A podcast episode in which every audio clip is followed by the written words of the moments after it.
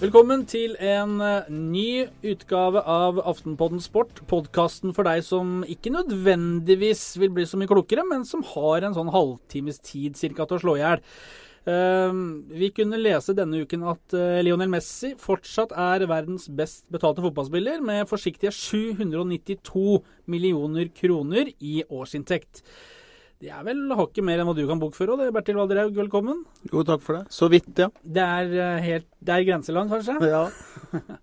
Vi gjør jo heldigvis ikke forskjell på uh, Jørgen Hattemaker og uh, kong Salomon her, så ja. Det er vel... Nei, for ellers måtte du ha gått ut. det skjønte jeg ikke helt. Nei, du gjorde vel ikke det. Um, det er jo sånn, Bertil. Eh, vi får jo stadig henvendelser fra folk som har lyst til å være med som gjester i, i, i studio. Eh, og vi har til nå sett oss nødt til å si nei til alle. For Vi har jo liksom hatt uh, Lars Kjernås eh, med oss som sånn tredjemann. Men han er selvfølgelig bortreist, da. Eh, og Derfor så gjør vi et unntak i dag. Vi kunne rett og slett ikke si nei da vi fikk en mail fra Odd Inge Aas. Eh, så derfor er det en glede å ønske velkommen til deg, Odd Inge.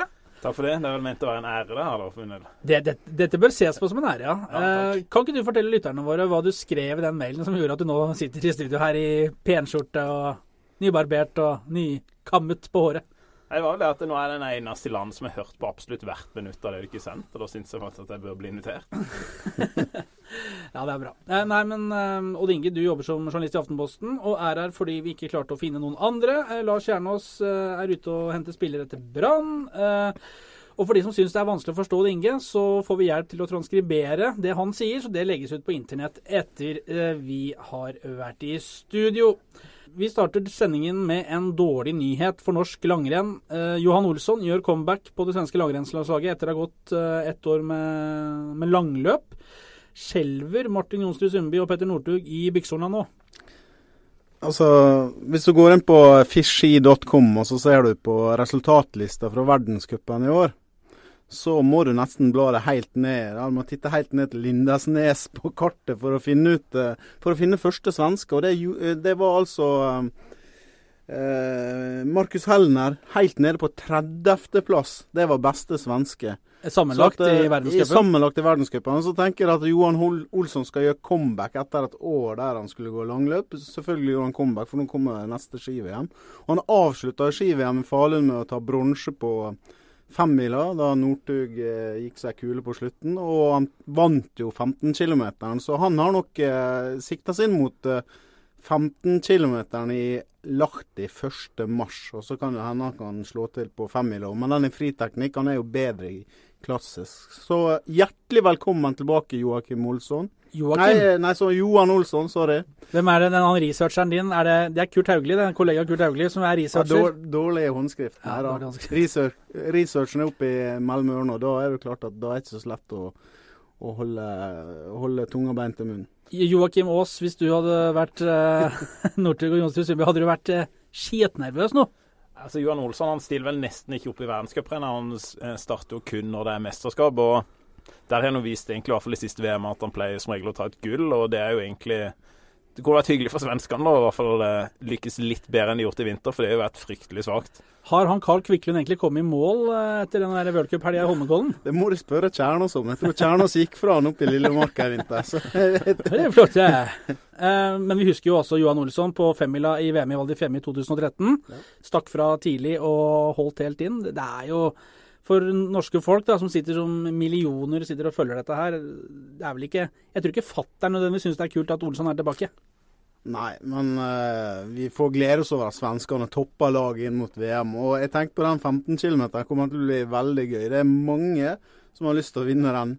Ikke minst Martin Jonsrud Sundby, som fortsatt mangler et individuelt gull fra VM og, og OL. da. Men nå er det VM i Lahti, og der kommer han til å gå for gull.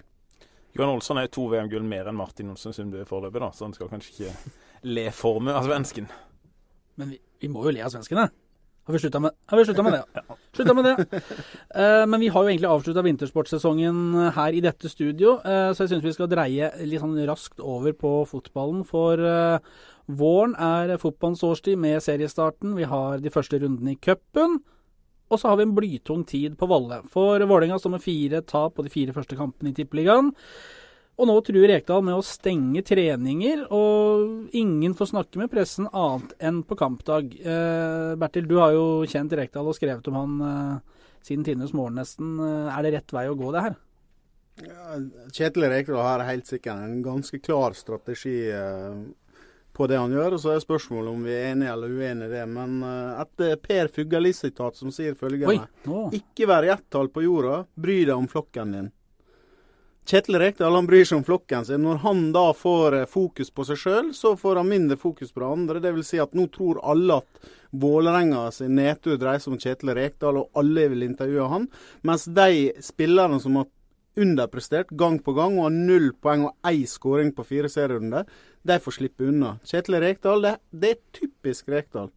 Fokus på han, mindre trykk på spillerne. Odd Inge, du er jo fra vår sørligste landsdel. Eh, Ja. Kvarstein, for de som er lokalkjent. Vennesla for de som er litt kjent. Ja. I nærheten av Kristiansand for de som ikke er kjent i det hele tatt. Start har hatt mange problemer, men har, har- har du opplevd en boikott på sånn måte? Eller ikke boikott, men at folk lar være å snakke? Nei, altså Kjetil Rekdal påstår nå at eh, Vålerenga er blitt hetsa fra den ene og andre. og Der må han jo bare ta selvkritikk som sportsjournalist. da, fordi at, eh, at eh, et eliteserie, eller at spillere og trenere i en eliteserieklubb blir hetsa på det groveste. Og jeg har ikke fått det med meg, og jeg tror egentlig ikke så veldig mange andre i vår yrkesstand har gjort det heller. Så der har vi gjort en forferdelig dårlig jobb når vi lar en sånn hetsing bare pågå uh, uke etter uke uten at noen skriver om det. Det er jo for galt. Jeg Ja, synes er- Her må vi stå opp for Kjetil Rekdal. Her må vi stå opp for Vålerenga. Ja, så vi forstår Rekdal, egentlig. Ja, nå, nå begynner jeg å forstå det. Men jeg syns egentlig han framstiller litt sånn spillergruppa jo som en gjeng litt uten ryggrad. da, For det, det er jo ikke, kan ikke påstå at det har vært en storm rundt Vålerenga til nå. Det er jo i beste fall litt frisk bris. Se for deg hvis Brann hadde, hadde tapt eh, så mange kamper av i serieåpninga. Altså. Da hadde du kunnet snakke om storm, og da hadde det sikkert vært hetsing og, og sånn. Men ja, jeg tror eh, Rekdal er jo egentlig kanskje den eneste litt sånn store profilen Vålerenga har, da. Vålerenga skal være glad for at det kommer journalister på trening. Det er ikke sånn at det rennes ned av journalister oppe på Valle. Så de som, skal, de som kommer dit, Kjetil, du pleier å være der. Jeg syns de skal ønske deg velkommen med en kopp kaffe og klapp på skuldra. Og, og eh, gutta på Vålerenga de trenger å bli intervjua. Vålerenga trenger å skape profiler. Du får ikke profiler ved å være en sur og mutt trener som ber spillerne holde kjeft. Åpne opp dørene, Rekdal. Lær av eh, kulturminister Linda Helleland. Mest mulig åpenhet. Det er ikke sånn at Christian Grindheim ikke ville takla å få et spørsmål om hvordan det er å tape eh, noen kamper på rad. Altså Det er det jo vant til fra en lang karriere. Og Kjetil Wæler, som snart er 40 år Jeg tror faktisk mannen klarer å svare på noen spørsmål om dette. Så her syns jeg Rekdal eh, Hvis de nå taper hjemme mot Tromsø til søndag, så vil det jo bare bli eh, bare bli forsterka. Jeg føler Rekdal mer er, er med på å skape en storm enn at eh, han skal stå imot en storm her. Det han jo har reagert på, var eh, skriverier etter at de tapte hjemme mot Rosenborg. Det var tre strake tap, og eh, det, var noen negative artikler ifølge han. Som da ble til skit, usakligheter og, og, og hets. Og da mente han at det var mye trafikk på Volle. Og etter Stabæk-matchen så tror han han må stenge treninger. Jeg tok eh, sykkelen fatt, for jeg er såpass dårlig stilt nå i medieverdenen at det er ikke noen taxier og busser, så vi tar sykkelen opp på Valle på treningsfeltet og forventa meg da væpnet vakthold og gjerder. Der var det hjertelig velkommen, og det var hyggelig. Rekdal kom bort, prata, men ville ikke si noe på trykk. Eh, og mener at de skal verne om seg selv om å forsvare oss, som han vel kalte det også. Eh, det, det, virker, det er jo litt pussig. Da jeg var der for øvrig etter Stabæk-matchen på første trening, så var det jeg og to fra Nettavisen som gikk etter tre minutter. Men han lager for mye styr og ståhei rundt ingenting. Også. Det, det, at de taper noen fotballkamper og sånt, det må ikke miste det helt. Altså, det, det er fotball, det skal være moro, og, og, og gutta skal få lov å slippes løs. Og så vinner de mot Tromsø, og så roer det seg. Men han må ikke lage for mye styr ut av det. Men jeg tror strategien er åpenbar. Han skal verne om flokken sin. Enkelt og greit. Så var vi på Norge-Finland og syntes at det var ganske glissent på tribunen der når det var like underkant av 5000 som møtte opp. Men eh, jeg vet ikke hvor mange tusen er som syns at Vålerenga-Tromsø er det mest spennende du kan gjøre nå til søndag klokka seks. Og og i alle fall når det blir det oppmerksomheten som er nå rundt klubben, der en liksom gjenger i forsvarsposisjon så til de grader. Store spørsmål er om Lyn Tromsø på Bislett onsdag kveld samler flere tilskuere enn Vålerenga Tromsø på Ullevål søndag kveld. Det er jo en bykamp i, eh, i Oslo nå. Lyn-supporterne kommer jo til å eh, satse på det de kan for å fylle Klarer ikke å fylle Bislett, men å fylle Bislett mer enn hva Ullevål blir fylt. Uh, Vålerenga styrer jo også mot et underskudd så langt i år på mellom 10 og 12 millioner kroner. Uh, det er jo pussig, må jeg si, da, at ikke hovedstadens eneste toppklubb, hvis vi ser bort fra KFUM uh, i førstedivisjon, uh, som vel er kanskje mer enn et blaff, med all respekt, enn en Vålerenga, at det ikke er bedre stilt i hovedstadsfotballen. Ja, Det kommer til å gå mer pluss hvis de skal lukke seg mer. så det er en det er, en, det er en dårlig strategi eh, med tanke på det. Men eh, det er jo fryktelig trist hvis Vålerenga skulle rote seg ned i bunnstrid og rykke ned, og du neste år da ikke får et uh, tippeligalag fra hovedstaden. Uh, på slutten av 60-tallet var det trikkeserien. Det var fire-fem lag fra Oslo og, og, mange lag fra omegn som spilte i toppen. og uh, Nå må du ut i Utkant-Norge for å få for å for å få topplag. Det er, det er, i så fall veldig trist. Men denne uka uh, spilles cupens første runde. Der møter Vålerengen Løten, eller Løten som vi sier der uh, de kommer fra. Uh, der er det vel kanskje mulig å få seier? Det er lov å håpe. Men det tror jeg faktisk skal gå ganske greit, altså. Hvem er det Vindbjart, andredivisjonslaget fra Vennesla, møter i første runde? Det er jeg jammen ikke helt sikker på, altså. Jeg så de tapte 3-2 for Strømsgodset i seriepremieren i går. Strømsgodset 2, ja. ja. Så det var jo en tung start. Skarbøvika, hvem er det de har? Det var en stund siden Skarbevik var i første runde i cupen, er ja, Jeg veit ikke, jeg. Jeg spør, ja. Nei, nei Skarbevik. Det er glansdagene over, i hvert fall inntil videre. Spjelkavika? Nei, du spør det. For uh, lokalfotballen på Sunnmøre Etter jeg la opp som fotballspiller, så er jeg bare opptatt av ett lag der oppe, det er Skarbevik og ikke Ålesund. Ok, så, Men eh, Skarbevik er i hvert fall ikke første runde i cupen? Nei. Nei. Men eh, Jon Arne Riise og Ålesund er i første runde i cupen, for det kommer de seg jo ikke unna. Hvem er, hvem er, det de har, da? Nei, nå, Du spør det veldig vanskelig. Beklager. Det er jo Skal vi se, vi rullerer litt med på jo, gjestene Jo, vent litt. Jeg har jo lest det, hvem jeg skulle møte. Var ikke det Spjelkavik? Jo, Spjelkavik Spurte om Spjelkavik, ja. Det var ikke Nei, det var Skarbevik du spurte om. Ja, så også det med Spjelkavik ja, å, ja, Spjelkavik. Det var uh, trener Tor Hogne Aarøy og Frode Fagermo, begge to tidligere Ålesund-spillere. De skal lede da Spjelkavik mot Ålesund, og det blir jo gøy. Og Jon Arne Riise kommer til å dra litt ekstra tilskuere på den kampen. Eh, apropos Spjelkavik, husker du Bjelkevik-søstrene? Eh, Bjelkevik? Var ikke det det heter? da? De skøyte Det er fra Arendal, og det er faktisk ja. det, oh, ja. det er Arendal Vindbjart skal møte cupen. Ja. ja. Altså her, her drar jeg dere bare oh, inn på riktig spor. Ja, det er bra. Du gjør jobben din, Kjetil. Ja, det er bra. Sånn det skal være. Det er flott, ja. Uh, vi nevnte Lionel Messi innledningsvis. Uh, Odd Inge, uh, du er blant de som har jobba med Panama Papers. Uh, ja. Han er blant de som kjenner klørne fra Panama-gjengen. de nesten 400 journalistene fra over 100 mediehus. Hva er det Eller først, da. Det må jo ha vært utrolig kult å jobbe med? Ufattelige, rett og slett. Og, Fattelig òg, ja. ja. Jeg, var jo, jeg jo de som jobba med det sånn ca. to uker før ting ble publisert. Og det er jo noen som så det og gravde i de her dokumentene siden i sommer. Det var deilig bare å komme inn og oversette ja, så, det manuset.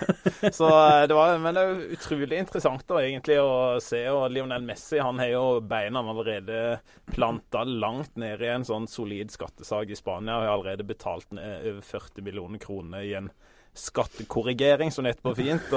Restskatt, som vi kaller det i Norge. Restskatt, og da er det jo, da er jo eh, han og rådgiveren rundt han har brukt eh, selskapet i skatteparadiset til å gjemme vekk penger. Og eh, det som var interessant nå, var at det dukka opp et nytt selskap i Lionel Messi sitt navn, som heter Megastar. Og det er jo et greit navn på, på Messi. Eh, det, det, hva er det selskapet ditt heter, Bertil? Er ikke det Mega Editor? Er det det? Ikke superstar, men su superstar. Nei, Nei eh, ja. men Odd Inge, altså Jeg er stolt av å være en del av Aftenposten når vi opplever det vi gjør med Panama Papers. Og Odd ja, ja. Inge er en av de 376 journalistene som har jobba eh, for å få frem det her.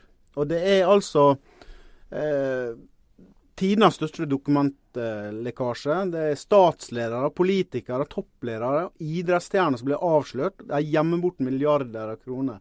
Og det er så gøy da at for oss lille sportsverden da, altså Tidligere så trodde jo det at folk det å være sportsjournalist, du skulle bare skrive om, om eh, resultat og eh, neste renn og sånne type ting. Og ja, fint før. ble, ble jo kalt for Toy Department of Sports Journalism.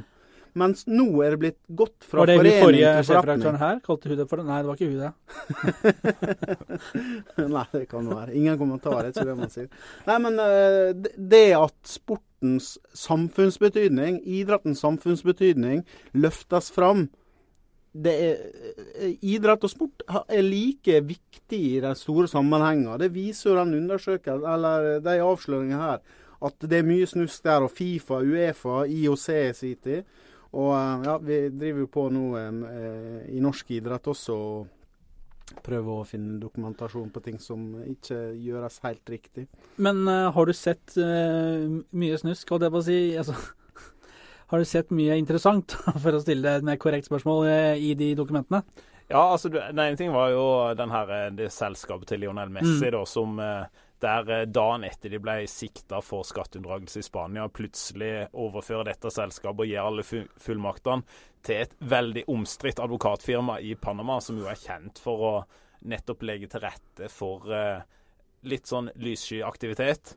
Eh, så det er jo interessant i seg selv, selv om det nå ikke er bevist at Lionel Messi er gjort noe ytterligere kriminelt enn det han allerede må stille i retten for et par dager etter Champions League-finalen. Men det ser jo litt sånn kålete ut, da. Ja, det er jo og, ikke sant, Lionel Messi nå sier, legger all skyld på mediene ikke sant, og sier at her er det de som har dikta opp noe. Akkurat Tar en Rekdal, da. ja, akkurat nå er det samme som eh, Gianni Infantino sier da når hans navn dukker opp i de samme dokumentene. fordi at eh, Ja, nye Fifa-presidenten. den nye Fifa-presidenten ja. sant, som har sagt at nå skal han rydde opp i internasjonal idrett. Han skal få reform i det som har vært en korrupsjons... eh, en organisasjon som bare drev med korrupsjon. Eh, nå skal han rydde opp, men eh, dokumentene her viser jo at eh, at han mens han var jobba i det europeiske fotballforbundet Uefa, så inngikk eh, de en avtale med et av selskapene i eh, Argentina, der Hugo Jinkis har signert som formann. Og han er jo tiltalt i den store korrupsjonssaken nå i internasjonal fotball. og Det er heller ikke bevist nå at Infantino har tatt imot bestikkelse, men det europeiske fotballforbundet har jo hele tida benekta at de har hatt noe som helst med noen av de som er tiltalt der å gjøre. De har ikke gjort noen forretning med dem, det har de stått på, og det sa Infantino til og med etter han ble valgt som Fifa-president. Så får han framlagt dokumentene, og så viser det seg at det har de. Så enten så har de jo gjort en elendig jobb da med å vite hvem de har gjort forretning med, eller så har de lydd bevisst. Og det er jo ja. For en gjeng, eh, Bertil. Dette her er jo bare noen få av 11 millioner dokument som eh, journalister sitter nå og graver seg nede for å finne. Og her i Norge så har vi hatt eh, Yara, vi har DNB, vi, og på Island så har jo statsministeren gått av. Altså, det, det her er jo gøy å være en del av. altså At, vi, at media klarer å få tak i sånne ting som det her. og det er jo Viktig for fra- media òg, da. Ja, selvfølgelig. Nå har noe med troverdigheten Ja. i den mediehverdagen som er nå. Som plutselig så Her, vær så god. Dette er kvalitetsjournalistikk. Ja, og, og kvalitet vil folk gjerne betale for. Og det er jo klart at eh, for vårt vedkommende her, så er det eh, kjempegøy å klare å, å bedrive sånn journalistikk som setter dagsorden. Ikke bare i forrige uke denne uka her, men sannsynligvis i lang tid framover. Eh, sett andre ting fra vår uh, del av verden, eller er, eh, er det noen norske, er det noen europeiske eller nordiske navn? Nei, altså Det jobbes jo videre med å se om det er andre interessante saker. Så Ja, litt sånn det diplomatisk. dukker opp nå. Litt sånn diplomatisk svar der. Ja, ja. Vi får Det er jo greit å få det på trykk før en sender det på lufta og flyr inn. Men du, Ja, du leter jo etter nåla i høystakken. Altså en 11 millioner dokument, det, Ja.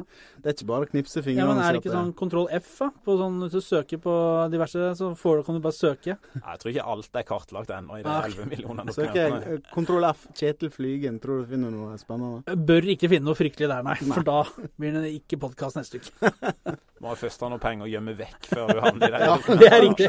Det er riktig. Det er riktig. Først ha penger hjemme vekk. Um, men det er eh, flere som er under lupen for uh, ja, Vi skal vel ikke kalle det lyssky virksomhet som i Panama, men uh, norsk idrett de har jo uh, sine utfordringer med å være åpne nok. I hvert fall hvis vi skal tro kulturminister Linda Hofstad Helleland, som nå har klint neven i bordet og sagt at nå skal alt åpnes opp. Eh, og Tom Tvedt og Inge Andersen og resten av idrettstoppene går uh, spissrotgang inn og ut fra kontoret til eh, kulturministeren. Eh, hva er eh, siste nytt nå? Nå skal man også være Alt skal fram nå. Ja, men hun viser ingen nåde. Samtidig så har hun fått eh, tidenes mulighet til å markere seg som kultur-idrettsminister ved å slå neven i bordet her. Og hun har jo smasha den skikkelig. og hun, hun, krever full åpenhet. Og alle papir skal opp og frem. Og så får vi bare håpe at vi i media har tunga beint i munnen og ikke lager ikke, ikke la ei fjør bli til ti høns og sånt. Så det, det er jo liksom ja, for det, det Der utfordringa blir litt, da. For det er ikke noe veldig stort skille nødvendigvis mellom det, kanskje. Det har blitt en sånn derre Ja, for at noen har sagt vi skal ha åpenhet, så skal alle hive seg på og kreve det, hvis man kanskje egentlig ikke helt vet hvorfor man skal kreve det. Ja, nei, men det er klart så jeg hadde ei reiseregning på 160 000 Eh, og så vil man umiddelbart tenke at det er veldig mye penger, men så må man begynne å se på hva, det er som ligger til grunn for at det blir så dyrt, og, og sånne type ting. Men dessverre så er det ofte mange som bare leser overskrifter, og så tenker de oi, det var mye penger. Oi, her er det her det, er mye penger. det er mye penger. Ja da. Jo, jo, selvfølgelig. To mann, Inge Andersen og Tom Tvedt, idrettspresidenten og generalsekretæren til USA og Malaysia for 160 blås. Det går an å få det rimeligere. Den eneste luksusen som var avslørt der, var vel egentlig at i stedet for å kjøre vanlig økonomiklasse, så hadde de en litt sånn oppgradert økonomiklasse på flybilletten. det er ikke low fare pluss og sånn Region 160 blås, altså? Nei da, nei, men, eh, men, jeg tror faktisk ikke Det som er lagt fram til nå, avslører jo ingenting av det som en tenker er et sånn overforbruk eller beriging av seg sjøl eller pamperi. Uh, det, men det, det, som ikke jeg skjønner for, fortsatt ikke helt er forstått, da, er hvorfor idrettslederne lar seg drive sånn fra skanse til skanse. Det som Tom Tvedt og Inge Andersen la fram nå, det er jo ingenting veldig kritikkverdig der. Hvorfor kunne de ikke legge det fram med en gang? Hvorfor, hvorfor, skal de tviholde på dette og, og, la det gå så langt at kulturministeren må kalle deg inn på teppet for andre gang før du legger det fram? Dette er penger som er, dette er ting som er finansiert av det offentlige. Eh, og det, det, er ting som òg det offentlige eller samfunnet generelt da, har en interesse av å se og kontrollere at det her har de ikke brukt det her pengene til å, til å ha overdreven luksus. Eh, og eh, til nå, av det som er lagt fram til nå, da, så ser det jo helt greit ut. Her har de ikke, ikke drevet med noe som, er, som en kan, ikke kan forvente at du gjør for å gjøre jobben din skikkelig. og Da skjønner jeg ikke hvorfor de, de må la seg drive sånn fra skanse til skanse. da. Bertil, eh, hvor åpne er det rimelig at vi kan kreve at idretten er på, på det her området, syns du? Altså, Du bør jo skille litt mellom NIF sentralt og de andre særforbundene, egentlig. For NIF sentralt får jo veldig mange penger fra statskassa. Norges Fotballforbund f.eks. får jo ikke så mange penger. De, de genererer store inntekter sjøl. Eh, så hvis du skal ha denne åpenhetskriteriet sånn i forhold til offentlighetslov og, og sånne ting, så må du ha det eh, litt i tankene òg. Men jeg skjønner ikke problemstillinga. For det eh, Eller jo, jeg skjønner problemstillinga, men jeg skjønner ikke hvorfor de ikke bare sa OK, da vær så god, her har dere alt sammen. Fordi i det øyeblikket de var holdt litt tilbake, så begynner folk å tvile. Yes. Og her kan det være noe snusk fordi de ikke vil vise det. Og så viser de det fram, da, så er ikke det noe snusk. OK, kanskje det er mye penger, 160 000, da, men de kan forklare det. Og hvis de kan forklare det, så, eh, så blir ikke det gjort så stort nummer ut av det. Men jeg tror grunnen til at spesielt VG som har drevet fram denne saken her, det er jo for å se om det har vært en ukultur. Om det har vært en ukultur i Norge som det har vært i Uefa, som det har vært tidligere i IOC, og som det har vært i Fifa. Eh, så får vi se da om uh, norsk idrett uh, er like ille som Fifa og Uefa. Det tror jeg ikke. Odd Inge, det, du har jo vært nede og besøkt våre venner i Zürich, der ja. vår gamle venn Sepp har holdt, holdt, holdt, holdt, hus i mange år. og du har vel fått se, om ikke tatt del i luksusen, håper vi, så du har fått se luksusen? Ja, De bodde jo på noen ganske ålreite hoteller, da, mange av de der Fifa-toppene som ble raska ut av sengene sine av politiet en eh, mai morgen i fjor der og arrestert for eh, korrupsjon. Eh, nå er det vel ingenting som tyder på at norsk idrett har den samme ukulturen som har råda der, da. Men Linda Hofstad Helleland foreløpig har jo sagt det at fra 2017 av så skal det offentlige ha innsyn i budsjett og regnskap til eh, sentralleddet i Norges mm. idrettsforbund, men Norges fotballforbund, Norges håndballforbund, Norges ishockeyforbund de får ikke de samme kravene. Kretsene eh, osv. får ikke de samme kravene. Så sånn alt i alt så er det jo ikke sånn fryktelig mye mer enn færre innsikt i. Det, det som jeg syns hadde vært interessant å få vite, f.eks. hvor mye penger har Norges idrettsforbund brukt på First House til nå. Eh, og mye penger har de brukt på tjenester derfra, f.eks. For i forbindelse med søknaden om å få OL til Oslo, da, som jo havarerte til slutt. Og mm. Det samme med det eh, Norway House som de hadde i Sotsji-OL, f.eks. Der brukte de vel 12 millioner kroner på noe som utenfra stort sett ser ut til å være en sånn markedsføring av OL i Oslo. og òg en mulighet til å smøre IOC-toppene. Ja, for der leste jeg at der skulle IOC-toppene eh, bespises og bedrikkes. Sto ikke noe om bedekkes, men det er vel en annen. Det ordner dere kanskje sjøl. Nei, men det er jo det er mye penger på det vi ja, kan kalle en ordentlig fest. Men det som skjer ved at det blir full åpenhet nå, da, at det, da kan det hende at det tenkes om to ganger før de eh, bruker så mye penger på sånne type formål. Så det, er jo, eh, det har jo en preventiv virkning i forkant her. Og det, det tror jeg er veldig bra. Altså, Vi blir mye mer bevisst på hvordan man bruker pengene. Og så er jeg jo litt sånn spent på hva som skjer eh, i Norges Fotballforbund nå. For Terje Svendsen, nyvalgt fotballpresident, han lanserte jo begrepet nådeløs åpenhet når han ble valgt eh, til president. Nå har han gått litt tilbake, og siste nytt der var vel at eh, det i realiteten betydde at de skulle by mer på seg sjøl. Og jeg vet ikke om det er liksom fotballfolk er mest interessert i det. Jeg tror kanskje folk er mer interessert i å se hva er det de ikke bruker pengene på. Det er god politikerprat. Love gull og grønne skoger. Ja, ja, Være åpne, ja. ja. De byr på oss sjøl, det nå. Og Jeg føler meg ikke helt trygg på at eh, politikerkollegaene til Helleland heller syns at hun egentlig har gjort så forferdelig mye konkret, selv om hun nå sier selv at hun er veldig, veldig tydelig. Ja, men hun har jo vært det, altså.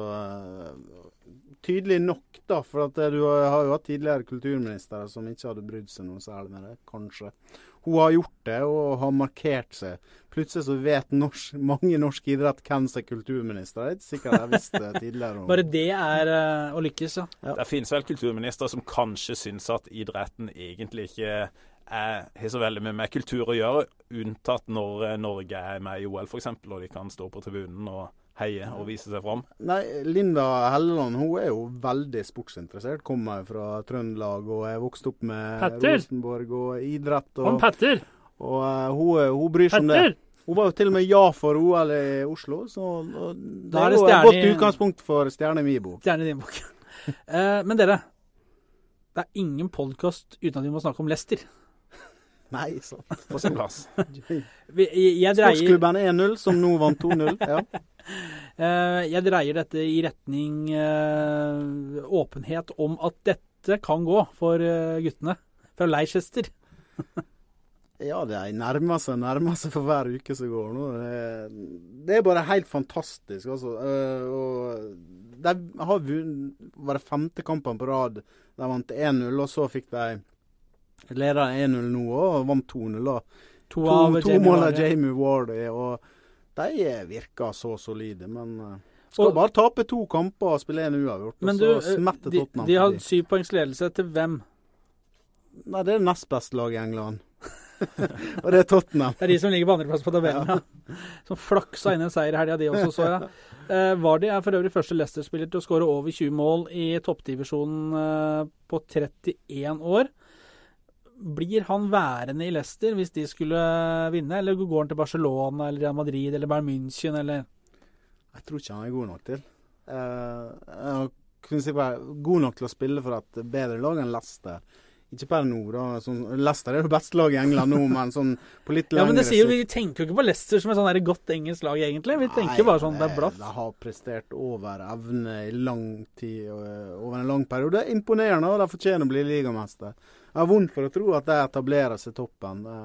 De har hatt veldig stang inn hele sesongen, nesten ingen skade. Eh, og eh, ja, det er bare å si gratulerer med en fantastisk sesong. Så er det synd for dem hvis Tottenham stikker forbi, da, som selvfølgelig er ja, oppe på. Det tror jeg nesten hele fotballverden syns ville vært synd nå, når det er med all respekt, altså, men nå eventyret er så nære, selv om du sikkert mener noe annet. Men Odd Inge, du, er jo ikke, du lever jo ikke et liv fylt av medgang i fotball, du. Verken her hjemme eller i i utlandet. Men eh, det er jo morsomt med Leicester for det. Ja, altså jeg valgte meg å starte Leopold da, for å nettopp lære det å takle motgang i livet, og det å få en karamell på trynet sånn cirka hver helg. Um, men det er jo fantastisk gøy hvis Leicester vinner. og Jeg har jo egentlig nok sånn Tottenham, både kompiser og kollegaer, til å virkelig håpe at Leicester tar det her hjem. For det, det kan jo bli tiltredes fryktelig å skulle tilbringe tid på både jobb og privat når, uh, hvis Tottenham vinner serien nå. Altså. Ja, kunne, jeg kunne ikke vært mer enig med deg. Sjelden jeg har vært enig med en Liverpool-supporter på den måten, men dette her er uh... ja, Her er det, tror jeg det er ganske mange som allierer seg sammen for Leicester. For én eder. Ja. Men når du så det siste målet til Jamie Wardy i helga, så der han jo uh, egentlig bare altså, kriger ned et par-tre mann der og setter ballen i mål på måten han gjør det på, så syns jeg det er en helt fantastisk spiss. Og jeg tror òg at en del hvert fall av de større, altså sånn mer pengerike klubbene i England, og de som sannsynligvis vil kjempe om ligagull neste år, da har lyst til å ha han på laget. Jeg kan ikke skjønne noe annet. Men, men, men tenk, altså neste år så kommer da Guardiola kommer, eh, Antonio Conte kommer, kanskje kommer José Mourinho tilbake. Du har et Arsenal som skal ruste videre, og Tottenham som sikkert eh, vil fortsette å bygge. Hvis vi har, og alt selvfølgelig på jakt etter å ta tilbake tronen, da, som Leicester har fått på, på salg. Eh, for den er jo egentlig, den, den, den ligatittelen i år har jo på mange måter vært liksom servert, da. Men tenk Jo, men hvis du ser på de reservert, for Leicester, de har Nei, jo en del ikke for Leicester. Leicester har vel bare tapt tre kamper. Ja, ikke for Leicester, men sånn med, med tanke på storlag som det har luga litt for, da. Det må være forferdelig for det her. For, eh, spesielt Arsene Wenger, da, som jo har lengta etter det her ligagullet her nå i over ti år. altså Mm. At de ikke klarer å ta de år, må jo være fryktelig surt. Og Men tenk Arsenal har hatt en normal sesong. Det er jo ikke sånn at Arsenal har underprestert eh, sammenlignet med tidligere sesonger. Arsenal har levert en sesong helt eh, som Ja, men det er fordi Tottenham har vært bedre. Tottenham har jo bare tapt fire kamper, tror jeg. Så Tottenham har jo levert en altså, jeg er selvfølgelig lei meg for at Tottenham ikke blir ligamester når det er mulighet. Men på søndag, da Leicester vant før Tottenham, så satt jeg og tenkte hvis Tottenham taper mot Manchester United nå, så kan faktisk topp fire-plasseringa ryke. Så min lettelse og jubel over at Tottenham slo United, det var egentlig mest for at nå ser det ut som at Champions League-plassen er sikra. For det du kan fort, fort få en sånn smell på slutten av sesongen. Ja, men det er sant. Altså, Tottenham-fans, vi, er- vi det evig pessimister, jeg har sagt det før, og kommer til å være det inntil det motsatte er bevist. Eh, Men det som egentlig var poenget mitt i sted, med, med de trenerne som kommer og klubben som satser Hvis eh, vi har før opplevd pengegalopp i engelsk fotball, god sommer Guttene kommer til å selge unna og hente og kjøpe, og det kommer til å bli en meget fin sommer ja, for de som er glad i Klopp i ball. Liverpool òg, som Ja, bygger sakte, men sikkert opp. Og jeg tipper Liverpool vil være helt oppe i topp tre-fire neste sesong. Det betyr vel en sånn fem- femte-sjetteplass. Ja, vi er vant til å havne der, da. Eh, men det, det som jeg syns er ekstra kult med Leicester, er jo- at eh, altså, summen på de elleve som starter der, er vel sikkert mindre enn det Leopold ga for Andy Carroll i sin tid. Eh, så det at så det er jo egentlig en sånn der eh, Det skal ikke være mulig egentlig å vinne Premier League som har så mye penger seg nå, med å ha det laget der, da, for det har ikke kosta mye å raske sammen. Uh, det er jo én mann da som går ut av kontrakt i Europa som er uh, høyst interessant for mange klubber i sommer. Zlatan i Paris Saint-Germain. Uh, og det ryktes jo altså, det ryktes jo alt mulig. Da. Det ryktes at den skal til Skarbevika sikkert òg, hvis du leter lenge nok. Men i hvert fall han og Manchester United. Da. Hvordan ville det eventuelt passa inn, tror vi? Han har skåra 125 mål på 149 kamper for Paris Saint-Germain. Han har 62 mål på 111 landskamper. Zlatan Ibrahimovic. Det var synd ikke du eh, ble født i Norge, for da hadde Norge vært med på mesterskapene. Siste tre-fire mesterskapene. Garantert. Sverige har vært det. Men bare skyte inn en ting. Jeg tror vi skal være, Han skal være sjeleglad for det, for han har jo ikke fått spille. For vi spiller jo ikke med spiss, vi, vet du. Nei, du glemmer det, du. Ja, det er sant. Ja, Det er sant. Han har vært på benken, han. Han er på benken. Ja, Da hadde han valgt å spille for Serbia. Ja. Eller, ja. Eh, nei, men uh, Jo, han er i England, ja. Men han blir 35 år til høsten. Altså, og, ja, han har overraska før. Jeg trodde kanskje Zlatan begynte å nerve, nærme seg middagshøydene. Men det han gjorde mot Danmark i, i kvalkampene til, til uh, EM, det var imponerende. Altså, han men uh, vi får se nå, da. Hva skal de gjøre med Rooney da? Nei, jeg Vet ikke. bruker ikke han på en grei måte i år, da. Han spiller jo ikke. Men har han nok fart til å spille en sånn type fotball der borte? Zlatan? Ja, Ja. Han har det. Du Ja. ville ha han. ja. Åh. Du ville ha han og Mourinho, du. Det er jo en god uh, miks, det, da. Bertil, jeg hadde tatt deg og Lars Kjernås i stedet for Louis van Gaal. Ja, det skjønner jeg. Louis van Gaal. Han har blitt litt mildere nå siste ukene. da. Glem det der, da. Han taper mot Tottenham. Jo, jo, men det, det er de Eh, aller fleste gjør det. Men det er en annen ting å glede seg til denne uken, og det er jo Rosenborg Brann. Klassikeren som er tilbake. Eh, vi husker jo alle 10-0-seieren, eller 9-0 var det vel på Lerkendal i hinne hårde dager. Det er vel 20 år siden det nå. Herlighet som tida går. Ja. Ja, det er Men vel jeg 10 år husker aller best eh, Brann mot Rosenborg i Bergen, der, eh, der Hansa laga gulløl før den kampen. Så vant Rosenborg på, eh, på Brann stadion og feira seriemesterskapet der. Jeg har aldri vært med på ja, det, det ble jo sånn eh, Det har ikke skjedd det før det at bergenserne har gått litt høyt ut. Nei, det er sant. Det ble gravøl istedenfor. Gullet skal hjem. Um, Ja, de sang jo det på søndag, da. de, ja, Da selvfølgelig. de slo Bodø-Glimt. Ja, jeg hørte jeg det runger på stadion. Andre ting vi skal merke oss eh, uken vi går inn i. Det skal spilles noen eh, Champions League-matcher også, vet vi, og litt Europaliga for de som eh, bryr seg om det. det. Ja, det, blir jo, det blir jo en heftig kamp på torsdag for oss som følger Leopold, med Jørgen Klopp mot Dortmund. og Jeg tror det kan bli ganske ålreit stemning på Anfield når Dortmund-fansen tærer den borteseksjonen der. De kan jo lage livet av Jeg tror det blir en forferdelig gøy kamp. Og så er det jo utrolig spennende å se det om Manchester City klarer å få et engelsk lag til semifinalen i Champions League. Det hadde jo vært dit eh, må vi ha Zlatan. Vi må ha Zlatan. Vi må ha han videre nå. ja, Det må vi. Ja, det hadde vært gøy for Zlatan å vinne Champions League. Det, Ja, det hadde vært klart, gøy. og Det tror jeg han hadde satt pris på sjøl. og så må vi ikke glemme da, at tirsdag eh, denne uken så starter starta NM-finalen i ishockey mellom Lørenskog og Stavanger. Det er vel dere bare sånn helt middels opptatt av, tenker jeg. Er det der eh, innebandy? Hva er ballen? Herregud. Nei, eh, nå, nå tror jeg det får være bra. Eh, skal vi si takk for uh, følget, og takk for alt, og at vi høres neste uke? Skal vi si det? Ja, gjør det. flott. Ja, bra. Odd Inge, syns du klarte deg ålreit? Takk for det, det var hyggelig å være her.